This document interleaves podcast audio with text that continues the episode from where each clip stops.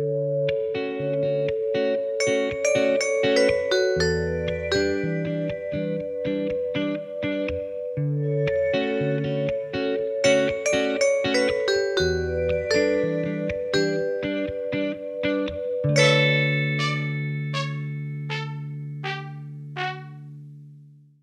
velkommen til Trans-Norge, en podkast om transpersoner. Lagd av PKI Norge, pasientorganisasjonen for kjønnsinkongruens. Jeg heter Luka Dalen Espeseth, og dagens tema er kjønnsdysfori. Der.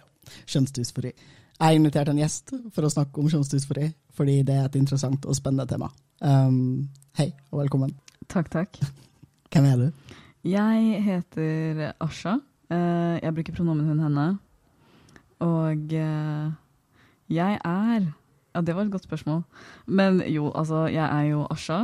Um, eh, jeg er slampoet. Eh, Jeg eh, Akkurat nå jobber jeg for å utvikle et eh, nettkurs om inkluderende kommunikasjon, som det er rettet helt spesifikt mot helsepersonell som jobber med eldre. Det er under et prosjekt kalt Eldre og seksuell helse, da. Det er en kjempebra intro. Har du lyst til å si hvor folk kan høre deg slemme, eller? Ja, så klart. Herregud. Oh my god, free promotion. Mhm. Ja, greit. Uh, ja, nei, altså, man, hører, man kan jo høre slam på Salt, uh, på noe som heter, altså en scene som heter Blue Monday. Uh, der er det jeg blant annet som hoster, da. Så please, kom dit. Jeg var der jeg tror det var forrige gang. Neste gang skal du på. Ja, det sa jeg forrige gang, men jeg har, ikke, jeg, har ikke, jeg har ikke skrevet så mye på den slammen min siden da. Men dere har jo også en sånn greie før selve slammen starter. Mm. Altså et sånt kreativt rom, da. Eh, hvor man kommer og brainstormer ideer, tekst osv. Man kan få feedback av andre som også skriver. Og alle er velkommen. Alle er velkomne. Kult. Sjekk det ut. Men ja, herregud, kanskje jeg skulle lage en slam om dysfori, da. Jeg vet det har blitt gjort før. Det er faktisk en av de liksom, slamformene jeg har sett oftest. Det er liksom transfolk som slammer om å være trans. Sier man slemme? Eller høres jeg bare Ja, man, altså Ja. man sier slemme. Ja. Og så får man selv eh, altså bestemme om det høres teit ut eller ikke. Jeg føler at det høres litt teit ut, men det Det er lov å si. Men ja, dagens tema, dysfori. VPAT, altså World Professional Association for Transgender Health, og for så vidt også i ICD, i klassifiseringa, så snakker man om kjønnsdysfori som ja, sterkt ubehag, plager eller uhelse, som en Mm. konsekvens av ubehag ved kjønn tildelt ved fødsel, typiske kjønna kroppslige trekk, eller kjønnsroller assosiert med de tildelte kjønn ved fødsel. Mm. Um, som jo basically betyr at det inkluderer alle aspekter av kjønn på et vis. da. Altså Følelsen av kjønnsdysfori er en sånn ting som jeg veldig ofte blir bedt om å forklare da, til andre mennesker. Og Det er kanskje en av de følelsene som jeg har liksom, hatt vanskeligst for å forklare.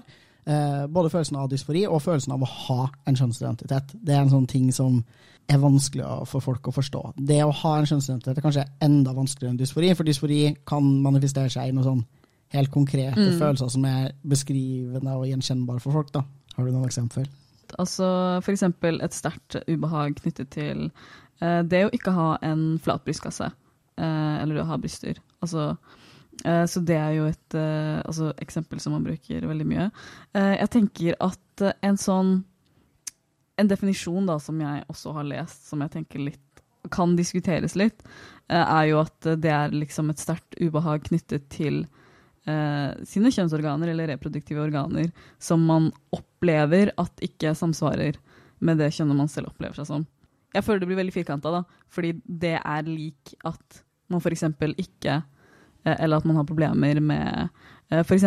penis, selv om man eh, er kvinne. Mm. Um, at det liksom ligger litt i korta. Ja, det er veldig rart å begrense til bare å handle om genitalia, i hvert fall. Eh, jeg tenker jo eh, at de aller fleste folk jeg kjenner som opplever en eller annen grad av kjønnsdysfori, kan oppleve også genital kjønnsdysfori, definitivt, men også veldig mange Mm. andre former for kjønnsdysfori som kan være mer eller mindre sterk i enkelte settinger, men som ofte liksom handler om alt. da. Sånn her det kan være ja, hvor mye eller lite fett du har på brystkassa, hva slags genitalia du har, hvordan de fungerer, hvordan de ser ut, hvordan de fungerer i gitte situasjoner.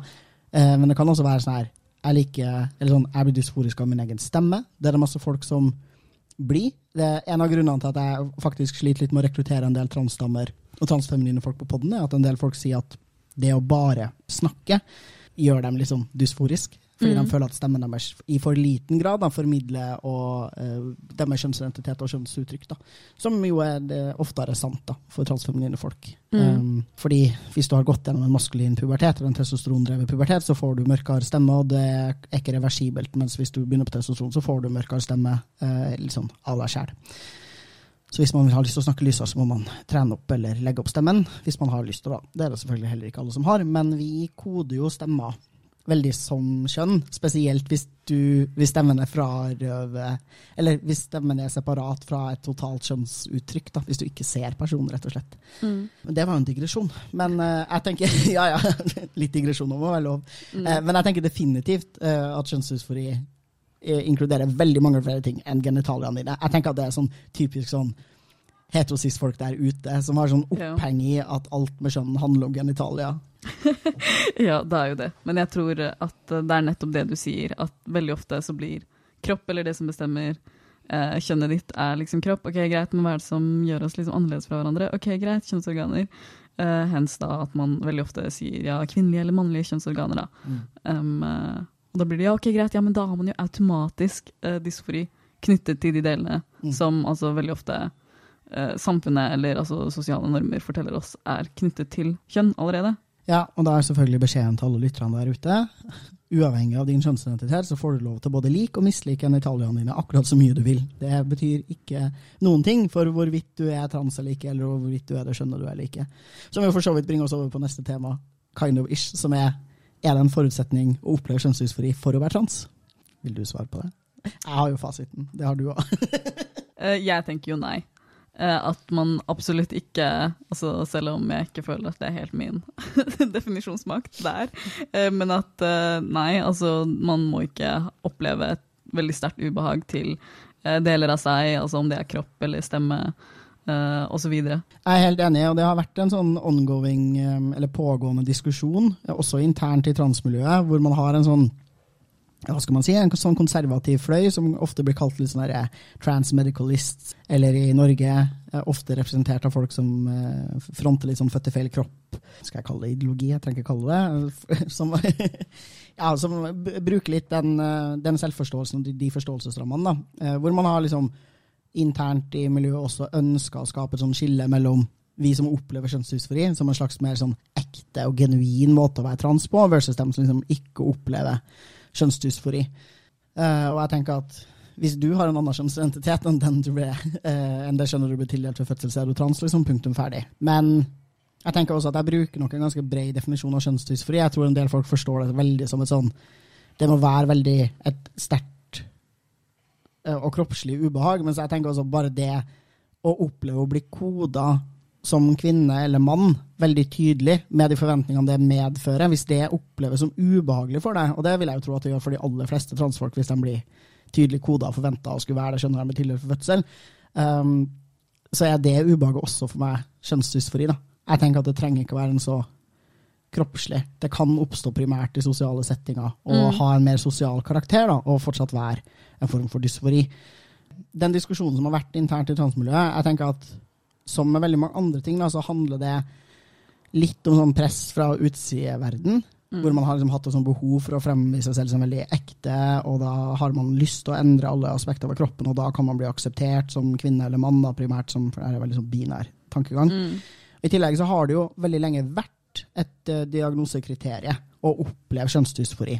uh, I ICD-10 og bakover, i liksom, diagnosen transseksualisme, så ligger det et helt eksplisitt kriterium om at du skal oppleve et sterkt kroppslig ubehag retta mot uh, kjønna trekk ved kroppen din. Og, og genitalia spesielt tror jeg også er fremheva som en sånn Mm. du, du må hate tissen din, liksom. Det er viktig. Ja.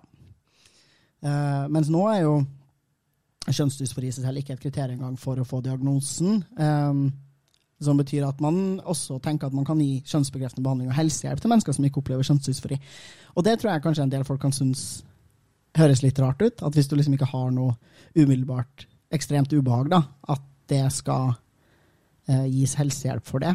Jeg har ikke tenkt å trekke opp den grensa, men jeg, har, jeg tenker at på et eller annet tidspunkt, kanskje, hvis det liksom virkelig ikke er noe ubehag i hele verden, og du bare liksom tenker sånn her Jeg ville syntes det var kult å ha pupper, eller sånn, det har vært gøy eh, å se sånn her ut, eller jeg har lyst til å liksom modifisere kroppen min i den retningen her.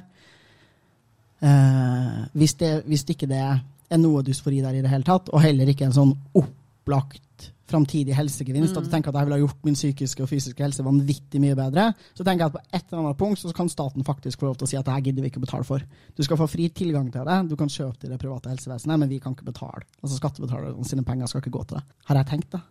Hva tenker Ja. du om det? Altså det er jo, eller jeg, jeg tenker at det høres ut som en drøm, eh, på en måte fordi at da vil det jo si at samfunnet ikke leser deg eh, som, eller liksom koder deg som, altså eksempel det, det kjønnet som du ikke opplever deg selv som da, rett og slett, eller er.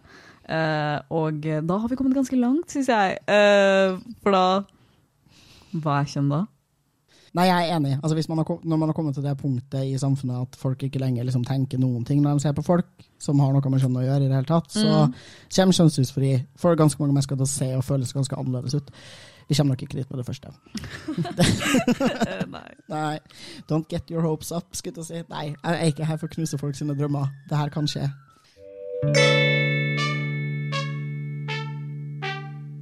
Jeg syns um, uh, Jannike van der Ros, som er en forsker som skrev den første levekårsundersøkelsen som kom på Transfolk i Norge, som er en liten eh, kvalitativ undersøkelse hvor hun har intervjua 18 transfolk, så snakker hun om tre forskjellige former for liksom, kjønnsdysfori. Og da snakker vi om liksom, kroppslig kjønnsdysfori, sosial kjønnsdysfori og liksom, byråkratisk dysfori. Og jeg syns den inndelinga er jo liksom som enhver inndeling, litt for skjematisk og svart-hvitt, på en måte, men den kan være litt nyttig, fordi altså, kroppslig kjønnsdysfori har vi jo på en måte forklart, det er relativt opplagt. Og den, når hun snakker om liksom, sosial kjønnsdysfori, så snakker hun mer om følelsen av at du kanskje egentlig ikke syns at kroppen din er så ubehagelig, eller syns at uh, den er ekkel, eller at enkelte aspekter av den skulle ha vært annerledes, men når du er i et sosialt rom, og folk leser og forstår deg og gir deg tilbakemeldinger på hvordan du ser ut og hvem du er, så oppleves deler av kroppen din som veldig problematisk. At det, er bare sånn her, det at folk konsekvent bruker feil pronomen, uh, er en liksom, kan gi en veldig sterk på en måte sosial dysfori. da. Eh, og at du kan oppleve det å ha pupper som veldig problematisk i møte med omverdenen, fordi det definitivt er en ting som folk koder da, som feminint og kvinnelig til dels. Uten at det nødvendigvis trenger å være sånn at du føler så veldig voldsomt på det Ja. for deg selv alene. Men den again, når du har erfart mange nok ganger da, at folk responderer sånn på det faktum at du har pupper, så kan du jo fort finne på å også føle det sånn når du er alene. Så det er jo ikke veldig lett å liksom skille på hva som er en sånn ren kroppslig dysfori, og hva som er en sosial dysfori, fordi vi alltid hele tida befinner oss i et samfunn og i sosiale interaksjoner. Men jeg tenker spesielt på det her med liksom, ja, feilskjønning, da, som en sånn en sånn ting, eller når folk sier sånn Ja, dere er jentene, eller dere er guttene. Mm. Eh, som er sånn veldig Det har på en måte ikke noe direkte med kroppen å gjøre, men det har det allikevel, fordi det handler om hvordan andre folk koder kroppen din. Ja. Og en byråkratisk dysfori syns jeg er egentlig et veldig kult begrep, som eh, van der Roos eh, brukte for å beskrive for det her, eh, Hennes levekårsundersøkelse ble også laget før vi fikk lov om endring av juridisk kjønn. Så var jævlig masse folk i det utvalget som snakka om at de enten ikke hadde mulighet til å endre juridisk kjønn fordi de ikke fikk diagnose eller eh, hadde fått tilgang på kastrering, eventuelt ikke ønska å kastrere seg, eventuelt bare befant seg i det her venterommet fram til du faktisk kom deg til det punktet. For det skal vi faen ikke glemme heller. Det var ikke sånn at vi bare kunne kastrere oss veldig enkelt og så få endra juridisk kjønn. Det var jo et helvetes prosess å bare få lov til å kastrere seg, eh, som jo er helt sjukt. Um, ja, og at det liksom Når alle systemer koder deg som skjønner i personnummer og sånne type ting, at det blir en sånn her I møte med staten, i møte med, med alle datasystemer og byråkratiet, da, så blir du konsekvent feilskjønna, helt uavhengig av om du også Altså helt uavhengig av både kjønnsidentiteten din og kjønnsuttrykket ditt. da, Så lenge det finnes en eller annen mismatch der, liksom, så blir det en sånn egen byråkratidysfori. da. Eh, hvor det å kunne endre juridisk kjønn jo definitivt alene letter på masse kjønnadysfori. dysfori. Gjør livet an til folk jævlig mye bedre. Sånn sett så syns jeg at det er et veldig eh, Altså byråkratisk dysfori er et veldig fint begrep å kunne bruke om f.eks. de som ikke er, ikke er ikke-binære, da. Som altså ikke nødvendigvis kjenner seg igjen i noen av de to kjønnskategoriene som vi har tilgjengelig i dag her i Norge. Nå har vi på en måte sagt at du trenger ikke å være, ha dysfori for å være trans. Spørsmålet mitt er kan du ha dysfori uten å være trans? Altså kan du være cis og ha dysfori? Ikke sant? Jeg syns at det er et veldig godt spørsmål.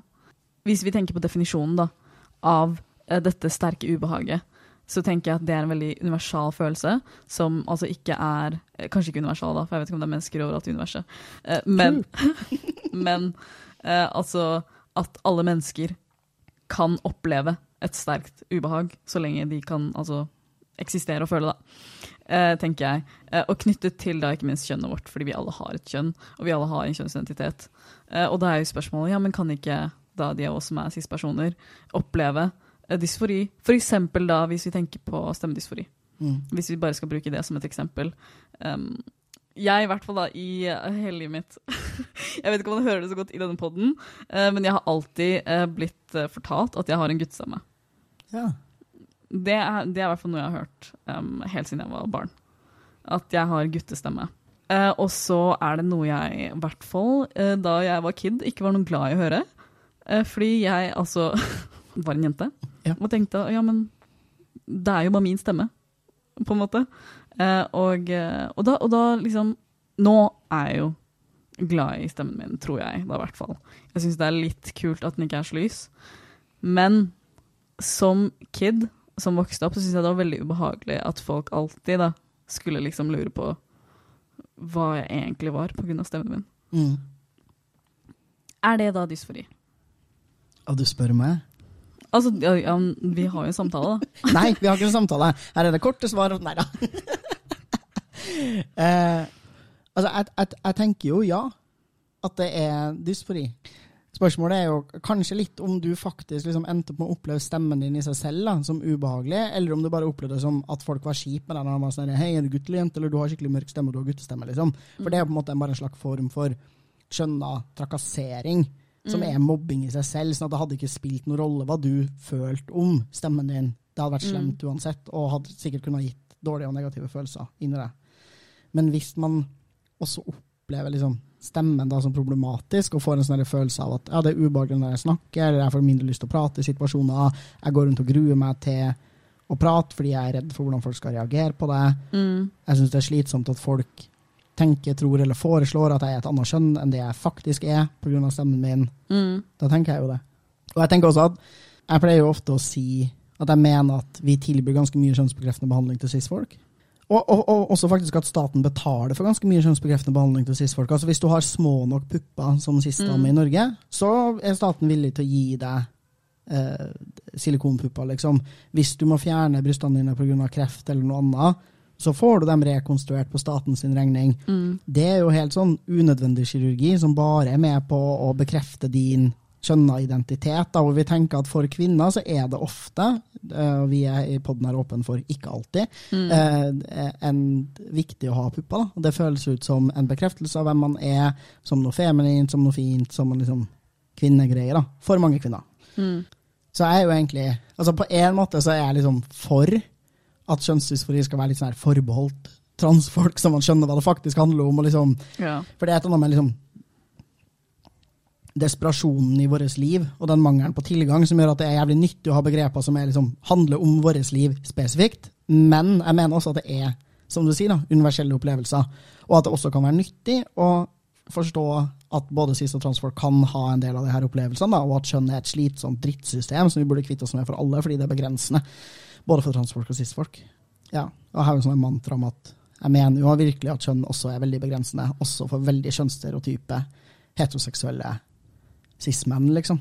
Fordi hvis de skal fortsette å liksom ha de privilegiene det gir deg da, å være en maskulin, heteroseksuell, cis-kjønna mann, så, så må du oppføre deg på en gitt måte hele livet. Du har ikke noe bevegelsesfrihet og rom da, til å gjøre noe annet. Jeg ser det er jævlig sweet hvis det bare passer deg helt sinnssykt bra å være der, men jeg tenker at for de aller fleste mennesker så vil det ikke passe deg perfekt. 100 av tida, alltid, hele tida, liksom. Ja, drittsystem. Fjerne. Kan du være snill å ta bort kjønn? Vi får sende inn en søknad. ja. Til byråkratiet. Jeg er alltid redd da, for at de transnegative folkene skal komme og være sånn her Nå burde dere bare gå i mer terapi for å deale med dysforien. Um, hvis jeg liksom åpner for mye for at det finnes noe uh, psykologiske aspekter ved det, da, så, mm. hvor hvor jeg liksom faktisk kan prate om at dysfori er noe du kan deale med. Du kan finne taktikker og strategier for å få det bedre, da, uten å faktisk måtte endre kroppen din. Ja, men da tenker jeg at vi er inne igjen på det med ok, men akkurat nå da, så er vi ikke i et sted hvor altså, samfunnet der ute ikke kommer til å kode deg som verken eller. Eh, og at den konstant, eller det konstante møtet med offentligheten, som veldig ofte da, hvis det ikke er altså enten eller, kommer til å kode deg feil og liksom konsekvent feilkjønne deg, som altså til syvende og sist. Så hvis vi er inne på dette her med minoritetsstress, da, Mm. ikke sant, um, så vil jo det påvirke livet ditt.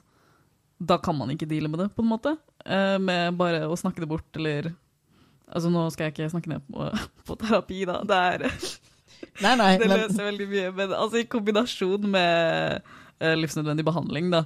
Det er ikke som vi uh, snakker bort andre som, altså andre diagnoser som vi kaller diagnoser, på en måte. Så tenker vi ikke bare at ja, ok, greit, så lenge det ikke er synlig og ikke kan føles og ses, så kan vi bare behandle det med terapi. Nei, definitivt ikke. Men der, er, der føler jeg at liksom, transfolk sitt helsebehov er så um, skjørt, da, på en måte. Eller altså, ideen om at det faktisk er et reelt helsebehov, er så skjørt at jeg alltid er sånn redd for hva jeg skal si, i tilfelle noen skal liksom ja, bare ha, få en sånn eh, backlash, da, hvor de bare sier sånn Ja, men da burde du bare gått i terapi, da. Bare deala med å være dame, eller se maskulin ut, eller bare liksom fiksa livet, da. Og det er liksom ikke det jeg ber folk om i det hele tatt. Uh, og jeg tenker definitivt at en kombo er nyttig, da. Fordi Mm. Altså, sånn, du har allerede opplevd masse altså Også hvis du en, velger å endre kroppen din, da, så har du opplevd masse traumer knytta til at du har erfart kjønnsdysfori i, i mange år. Det har kanskje vært vanskelig å få tilgang til kjønnsbekreftende behandling, i hvert fall i det møkkasystemet vi har her i Norge. Det er veldig viktig for meg å disse Riksen i hver eneste podkast-episode, så det her er dagens diss Riksen. Og eh, det, du vil også kunne finne på å fortsette å føle på dysfori eller vansker knytta til kroppen din. For noen så kan det for sånn her, ja, ikke det er gull å få flat brystkasse, men noen syns det er helt jævlig å ha arr. Andre Mm. folk syns det er kult. Eh, jeg tenker at det terapi kan hjelpe deg med i en sånn situasjon. Typ sånn her, kan vi jobbe med at du føler mer stolthet enn skam knytta til det faktum at du har en transkropp som er synlig trans? At det er en fin og positiv ting, og noe du kan liksom være stolt av. Eh, og så er det ikke alle som kan det. Det er ikke alle som vil, verken med terapi eller all mulig støtte i verden, klarer å oppleve stolthet knytta til det. Og det er også helt greit. Du trenger ikke å være stolt av at du er trans. Du får lov til å synes at det er heslig og ekkelt og skamfullt og noe du helst skulle ønske at du ikke var. Det er helt greit, men eh, jeg tror det er lurt for de aller fleste å prøve, litt i hvert fall, å tenke på det som noe mer. Mm, og hadde helsesystemet i Norge funka, som det jo da ikke gjør, så ville man jo gjort en kombinasjon av de tingene her. Så ville man hatt liksom åpne samtaler med folk og vært sånn her, OK, du sier du har dysfori. Hva, hva tenker du at det er lurest å gjøre med det, liksom? Mm. Jeg tenker også at eh, det blir så Når det er en oppskrift som skal til for å få det som man vil, så kommer man til å følge den. Eh, og at det, det hindrer oss hvert fra mye av den åpenheten da, som kan komme med at vi altså sosialt kan snakke om kjønn på en helt annen måte. Eh, om det ikke alltid kommer til å Altså den frykten som en opp å kjenne på fordi ok, greit, men nå vil jeg eksempel ikke eh, altså diskvalifisere eh, kjønnsdysfori som et konsept, fordi da kommer altså de, altså motparten eller the evil ones, og til å altså, diskreditere alt arbeidet, eller det vi driver med, da, uh, så blir det bare umulig, og, og, eller liksom kan oppleves umulig, å komme noe sted. For som helsepersonell da, så skal man jo egentlig encourage for denne åpenheten, det vet man jo. Fordi eh, transfolk ikke får den respekten vi fortjener å få da, i samfunnet, så ender vi opp med å police oss selv og bli police av andre, og, og ikke heller tør, eller kun løfte nyanserte samtaler om kjønn, kjønnsbekreftende behandling, kjønnsidentitet osv., fordi vi alltid er redd for at kjønnet vårt, eller tilgangen vår til kjønnsbekreftende behandling, skal bli fratatt oss. da. Eh, og det er et liksom større samfunnsansvar som alle har, da, for Ja. å liksom eh, ja, pass på folk. Og hvis du er redd for, og det har jeg jo sagt en milliard ganger før, da, men hvis du er redd for at folk skal angre på å ha gjennomgått kjønnsbekreftende behandling, så har du alt å tjene på å gi folk tilgang til kjønnsbekreftende behandling helt uavhengig av hva de sier, og hvordan de utforsker og uttrykker kjønnsidentitet og kjønn. da. Og kunne faktisk ha de her åpne samtalene om ja, hvordan er dysfori for deg, hva tror du kunne ha funka, Eh, skal vi jobbe, er du villig til, eller har du lyst til, er du motivert for å jobbe litt mer med å deale med kroppen din sånn som den er nå, og så se an om du skal fjerne eller legge til enkelte trekk ved den. Uh, eller skal vi gjøre en kombo? Vi kan jobbe med begge deler samtidig. Det går helt fint, liksom. Men det går jo ikke an å ha Altså i systemet sånn som det fungerer nå. Det går ikke Nei. an å ha den samtalen offentlig heller, tenker jeg. Og kanskje an å ha den på denne podden, da, fordi jeg tror at alle lytterne mine er bra folk. Men jeg vet ikke. Men ja, jeg, jeg nevnte jo kort at jeg mener at uh, cis-folk får en del liksom, kjønnsbekreftende behandling. Vi, Mm. vi hjelper kvinner å se mer i veldig store hermetegn kvinnelig ut, og vi hjelper menn å se mer i veldig store hermetegn mannlig ut. Spørsmålet er, eller som jeg syns er interessant, da, uh, i hvilken grad burde cis-folk ha tilgang på uh, behandling eller medisinsk, eh, medisinske inngrep som endrer kjønnsuttrykk i en annen retning enn det skjønnet de ble tildelt ved fødsel. da. Altså, basically, burde en cis-dame få lov til å fjerne puppene sine på statens regning, eller burde hun få lov i det hele tatt? Eller, eller tenker vi at man må være trans for å kunne gjøre sånne der type ting med kroppen sin? Jeg tenker at så lenge eh, de av oss som er cis-personer kan oppleve uh, kjønnsdysfori, så skal det være mulig for kjønnsbekreftende behandling. Um, men så lenge man har den derre uh, kjønnsdysfori, er det altså kun transpersoner opplever, selv om da de som er trans ikke nødvendigvis opplever kjønnsdysfori, så blir det den derre Ok, greit, fordi faktum er at vi gir kjønnsbekreftende behandling til de av oss som er cis. Ba, Men det er ikke rom for å gi de av oss som er cis på en normbrytende måte. Og, altså kjønnsbekreftende behandling, det er jo jævla paradoksalt, men det er jo egentlig på en måte hele systemet. Ja. I utgangspunktet. Men sånn, faktum er at vi allerede gir kjønnsbekreftende behandling, eh, men vi vil ikke kalle det det, da. Nei, det kan vi ikke kalle det. Og, vi kan, og det må være normativt. Det er veldig viktig. Eh, det er sikkert lettere Ja. Altså, vi gir brystreduksjon til cis-kvinner, liksom, men hvis en cis-kvinne kommer og sier sånn du jeg er faktisk så lei av å ha pupper at jeg bare vil ha dem helt vekk, så er jeg på sånn nei, men det kan vi ikke gjøre. Vi kan redusere dem, men du kan ikke fjerne dem. Selv om du er et voksent oppegående menneske som har samtykkekompetanse, så er det bare ikke mulig. da. Og jeg tenker at det burde vært mulig. Jeg tror det er masse eh, Spesielt altså Jeg kjenner ganske mange butche lesber eh, som kanskje liksom Ja, hvis vi ikke var så også dikotom da, i denne inndelinga i cis og trans, også kanskje er litt sånn ja, ok, jeg er ikke trans, men jeg er kanskje ikke heller helt cis, da. Eh, eller som bare liker å presentere ordentlig gjennomført maskulint da, og syns at det er kult, liksom. Og som kanskje syns at det er helt greit hvis noen koder dem som menn innimellom, eller tenker at de er menn innimellom. Er sånn, ja, ok, I don't care. Det, ja. uh, jeg syns jo de burde få fritt leide til å fjerne puppene sine. Men da er jeg kanskje mer tilbøyelig til å være sånn her, jeg kanskje må betale for det sjæl, da. Eh, eller, ja. Jeg spørs ikke, altså Hvis du faktisk er dysforisk rundt det, da. Uh, Ja, så tenker jeg at du i hvert fall skal få tilgang uten å måtte liksom claime jeg er ikke-binær eller jeg er mann. Du bør kunne si liksom jeg er en dame, og jeg syns det er faktisk ordentlig jævlig da, å ha pupper. Og hvis det har en reell helsegevinst for deg å få dem fjerna, så tenker jeg at staten skal betale. Men hvis det bare er for, liksom, for å fucke med kjønnssystemet, hvilket jeg I do encourage, eh, så kanskje du må betale sjøl. Ja, kanskje. Altså, det kommer jo noen rammer med det å tilhøre en minoritet, eller flere, da. Eh, og eh, det å gjøre begrepet kjønnsbekreftende behandling tilgjengelig for altså majoriteten, da, eh, fucker det med the cause, hvis du skjønner hva jeg mener.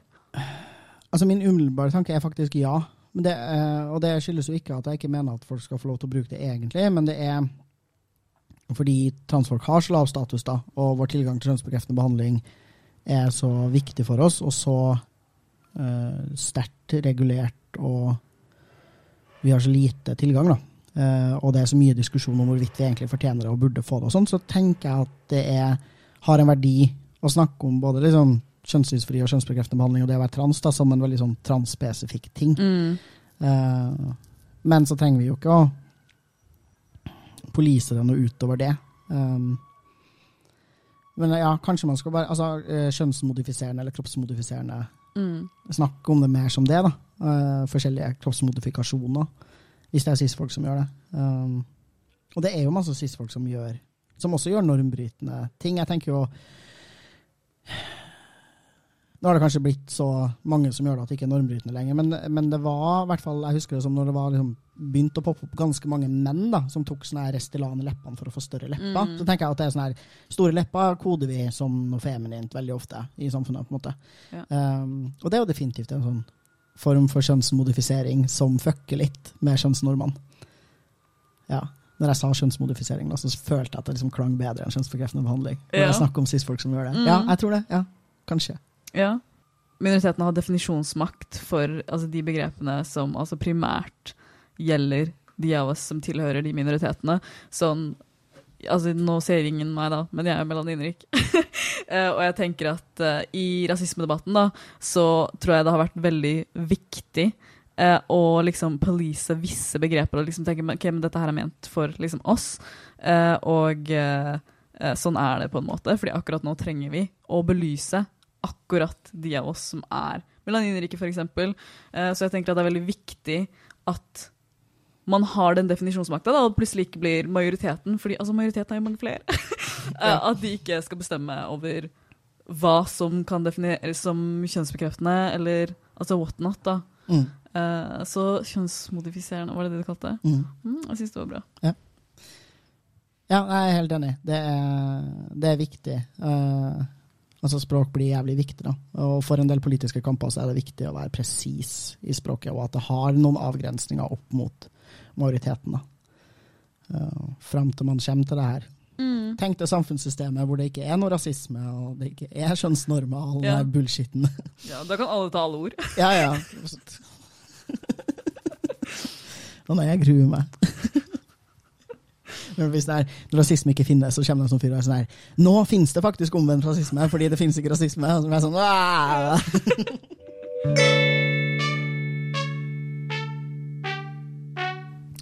Jeg hadde veldig Som personlig historie, da. Jeg hadde veldig lite pupper uh, før jeg transitiona. Og da jeg begynte på Testo, så ble de liksom enda mindre. Og jeg gikk ofte, eller jeg kunne gå i bar overkropp og fortsatt passere og bli lest og koda som mann uh, uh, før jeg tok topp opp. Og jeg kjente på at Jeg, liksom, jeg tok allikevel topp opp, da, fettsuging, liksom, på staten sin regning. Og da følte jeg selv en slags sånn merkelig blanding av at det her var et kosmetisk inngrep. Altså Det opplevdes ikke så veldig som kjønnsbekreftende behandling. Det var veldig sånn, typ, sånn, det føltes for meg som jeg var sånn her Jeg er bare en mann som var litt, litt mer normativt pen brystkasse. Den, liksom, det skjer ikke noe med den liksom, kjønna kodinga av meg, egentlig. Mm. Uh, og at jeg opplevde en slags, slags skam knytta til det. At jeg både syntes det var litt flaut at jeg liksom hadde bukka under for den her liksom, kjønnspresset da, og de her eh, normene for hvordan menn skal se ut i bare overkropp.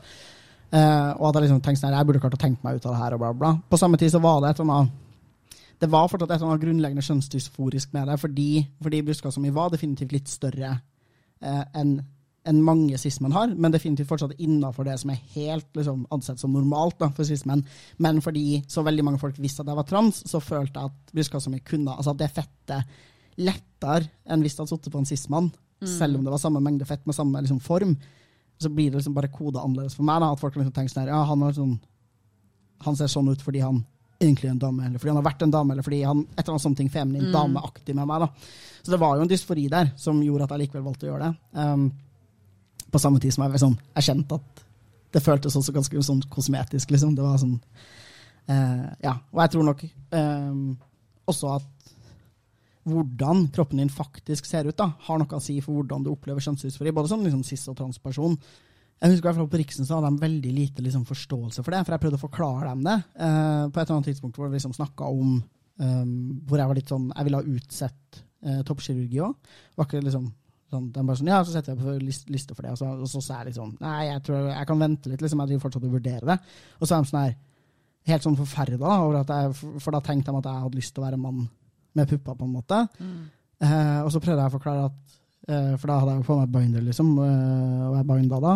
Eh, og det er de jo vant til, at de ser jo liksom folk med flate brystkasser der veldig ofte. Og så prøvde jeg liksom å forklare at ja, men de, det er på en måte såpass lite fett der, da. Uh, og det fettet har også ikke en sånn veldig typisk feminin form. Jeg har ikke spesielt store brystvorter. Det er liksom ikke uh, Det tror jeg påvirker hvor dysforisk jeg er, da. Og det hadde jeg bare ingen forståelse for. Hvor jeg var sånn jeg, jeg tenker at det er jo ganske opplagt at for ganske mange transmenn, da, spesielt, da, så vil det jo være eh, Uten at jeg skal liksom si at det må være et hierarki, men det er jo unektelig verre hvis du har veldig mye fett på brystkassa enn hvis du har litt mindre. Eh, og bare av sånne enkle ting som at binding fungerer mye bedre, og du kan se flatere ut. da, og, og, det vil medføre mindre ubehag hvis du har mindre fett på brystkassa enn hvis du har mye fett på brystkassa. Mm. Og vi har jo, det er jo en grunn til at vi gir sistdama silikon hvis de har små pupper. Vi koder større pupper som mer feminint. Mm. Det er liksom, det er en sånn ja. ting vi gjør, liksom. Og så er det ikke gitt at bare fordi du har små pupper, så vil du ikke så vil du oppleve liksom.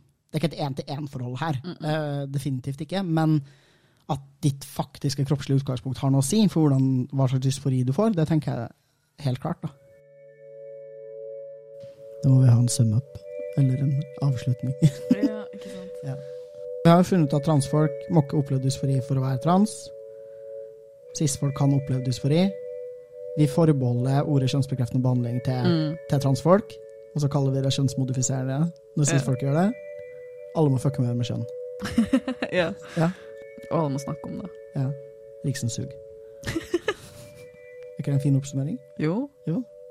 Mhm. Ja. Skal vi calle it today? Ja. Ja. Takk for at du ville komme på podden. Det var veldig hyggelig.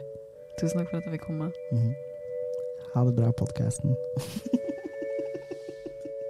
jeg snakker til henne som om det var en liten baby. Sånn, Hallo, podkasten min. Ha det bra, podkasten. Jeg heter Luka Dalen Espeseth. Takk til Martin Skjold for den nydelige Trans-Norge-musikken. Takk til Thomas Westervold Hansen for den grafiske profilen til podkasten. Følg Trans-Norge der du lytter til podkaster for å få med deg alle episodene, og rate oss gjerne i podkast-appen din. Da blir jeg skikkelig glad, og så finner flere folk podkasten, og da blir jeg enda gladere. Følg PKI Norge på Facebook og Instagram. På Instagram heter vi pki.norge. Og meld deg PKI på nettsiden vår www.kjonsinkongruens.no.